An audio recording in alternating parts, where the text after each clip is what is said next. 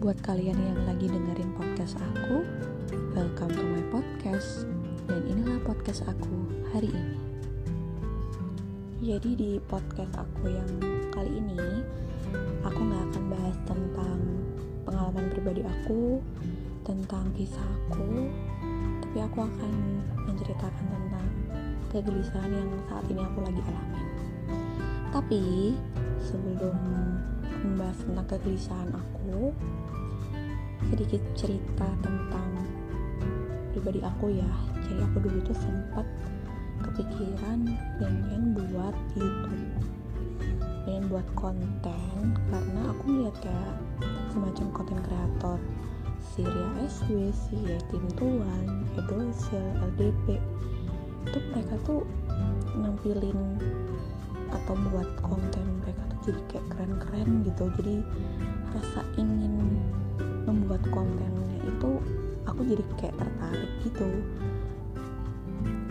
Tapi di lain sisi tuh aku juga sedikit minder gitu. Aku bisa nggak ya kayak mereka nampilin konten yang benar-benar bagus, kreatif, dan yang paling penting adalah konsistensi dari pembuatan konten itu sendiri kan kita kan pengennya tuh cuma di awal doang gitu kan.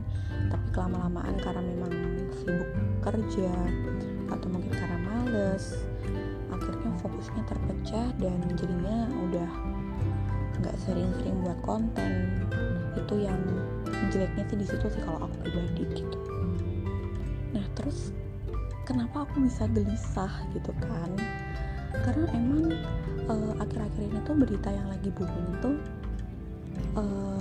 konten uh, kreator atau youtuber Skin Indonesia 24 mereka memutuskan ingin keluar dari dunia peryoutuban dan setelah adanya pernyataan itu Edosel juga speak up bahwasannya dia juga udah dari lama pengen juga gitu ninggalin dunia YouTube.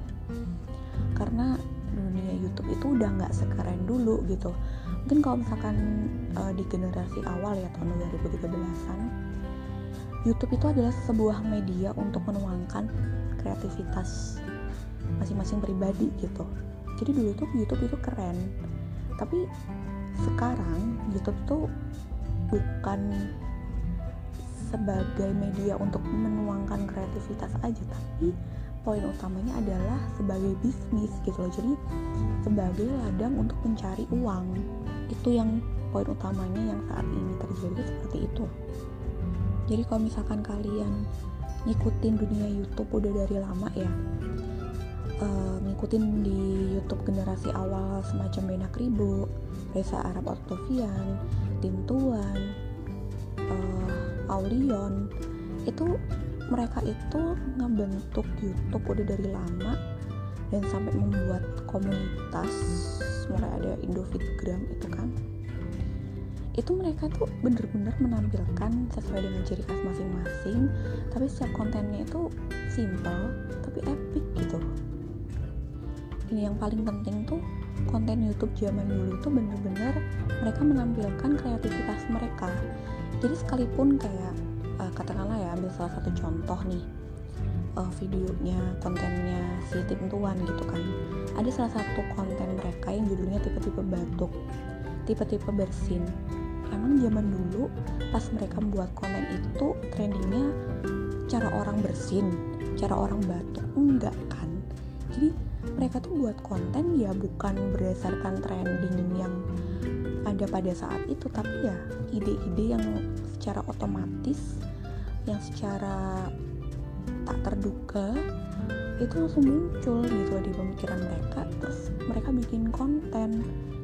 Cuman gitu doang gitu tapi dikemasnya itu uh, menjadi sesuatu konten yang menarik dan nggak ngebosenin gitu loh. Dan bisa menghibur siapa saja yang nonton itu poin dari para youtuber generasi awal. Dan aku lebih menyukai hal itu dibandingkan dengan youtuber yang generasi sekarang ini. Sorry ya kalau boleh jujur youtuber dengan generasi sekarang ini itu mereka lebih ngikutin pangsa pasar yang lagi trending itu yang dicari oleh netizen itu seperti apa. Semisal nih satu buat podcast semuanya buat podcast di YouTube ya kan? Terus satu social experience semuanya ngikut social experience. Terus prank semuanya ikut juga ke prank jadi mereka benar-benar berlomba-lomba gimana caranya supaya trending ketika trending otomatis mereka banyak viewersnya banyak subscribernya dan akhirnya mereka dapat duit. Nah, poin utamanya yang dicari oleh youtuber generasi sekarang itu adalah duit. Jadi pembahasan kali ini itu sama sekali aku nggak disuruh sama pihak siapa pun aku juga nggak dibayar oleh siapa pun karena memang aku mewakili diri aku sendiri sebagai penikmat YouTube dari dulu gitu dan aku paham banget perubahan-perubahan yang terjadi di YouTube dari masa ke masa gitu loh. Dan menurut aku pribadi ini benar-benar pure dari pemikiran aku pribadi yang aku rasain mulai dari YouTube pertama kali di tahun 2013an sih. BTW aku ngikutinnya itu mulai ngikutin tahun 2013 sampai akhirnya sekarang 2020 itu benar-benar jauh banget perbandingannya. Emang sih para youtuber generasi sekarang itu nggak semuanya jelek. Nggak semuanya cuma ngikutin tren enggak ada kok uh, para youtuber yang tetap konsisten memberikan kreativitas mereka dan sampai sekarang aku juga tetap uh, suka. Ya kayak misalkan contohnya si Raditya Dika. Sejak zamannya malam minggu Miko sampai sekarang dia buat ajang uh, stand up komedi tanpa ketemu itu aku benar-benar ngikutin dia gitu loh. Dan dia orangnya tuh sangat berinovasi. Kalau misalkan yang rame ya waktu itu kan belum zamannya podcast. Dia udah buat podcast duluan. Dan ketika udah banyak yang ngikutin jejaknya dia dia udah beralih ke uh, konten yang lain gitu. Misalnya ngobrol-ngobrol aja sama sang istri atau paranormal experience. Terus udah yang lain pada ngikutin dia sekarang buat lagi yang baru. Yang paling baru adalah stand up comedy tanpa ketemu nggak tahu deh ntar adik ngikutin dia lagi nggak gitu. Nah di situ maksud aku ya kalian bebas sih berekspresi gitu kan hak hak kalian. Cuman sayang banget gitu kalian udah punya nama ya apalagi dari uh, golongan yang ternama gitu nama kalian udah dikenal terus masuk ke dunia YouTube dan kalian cuma ngejual ketenaran kalian aja tanpa kayak ngesortir apa-apa aja lah pokoknya semuanya bisa dijadiin akun YouTube. Nah itu yang aku kayak kurang gimana ya hmm, kayak sedikit sebagai penonton itu kayak sedikit kurang tertarik gitu.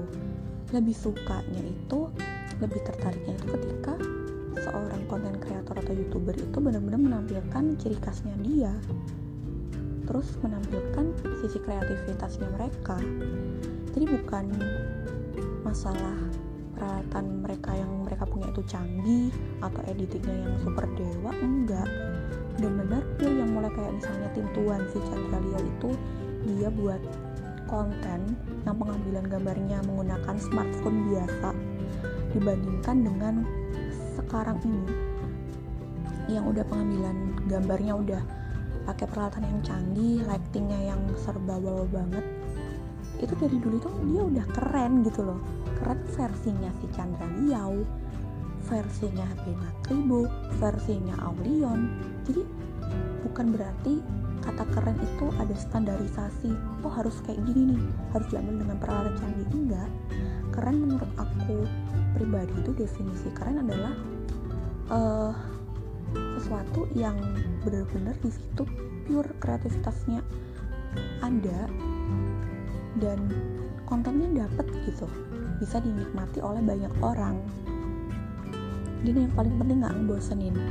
Jadi para youtuber nih ya konten-konten mereka kayak misalnya tim Tuan, LDP, Ria SW yang konten mereka zaman-zaman dulu ya tahun 2013 dan 2015 itu sampai sekarang aku tonton ulang, tonton ulang dan gak bosen-bosen. Itu saking gimana ya kayak udah udah tanpa mereka sadar tanpa aku sadarin dan mereka pun juga nggak minta. Pokoknya kalian harus tonton berulang-ulang ya ini enggak. Tapi secara otomatis ya kalau misalkan aku lagi bosen nonton YouTube dan menurut aku tuh yang saat ini yang lagi trending atau lagi apa paling terbaru lah paling fresh itu menurutku nggak terlalu menarik ya aku balik lagi dengan konten-konten mereka para youtuber yang lama-lama gitu. Jadi konten mereka yang lama-lama itu aku masih sering lihat lagi gitu.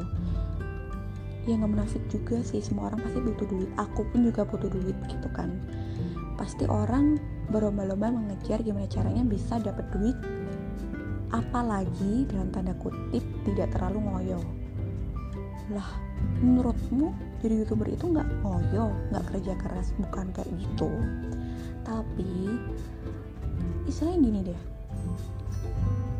Kita buat suatu video misalnya.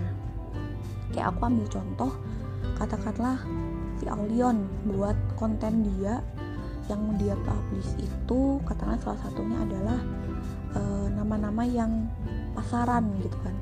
Itu sebenarnya kan sederhana banget kan tapi dia kemas dengan kreativitas dia yang tinggi. Jadilah sebuah konten yang menarik gitu loh. Jadi nggak harus sekarang trennya apa. Ya udah itu yang dibuat. Enggak nggak harus yang trending. Tapi mencoba untuk membuat sesuatu yang sederhana tapi buatlah dengan effort yang tinggi gitu loh. Jangan asal-asalan. Jangan cuman yang penting trending. Yang penting menarik menariknya itu bukan dari sisi kreatif tapi menariknya adalah sesuatu yang fenomenal. Itu yang terjadi saat ini.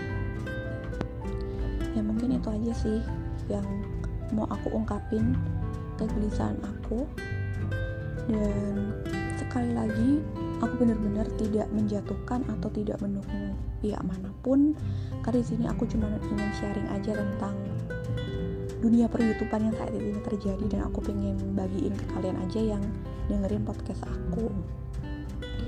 Dan segitu dulu podcast aku kali ini.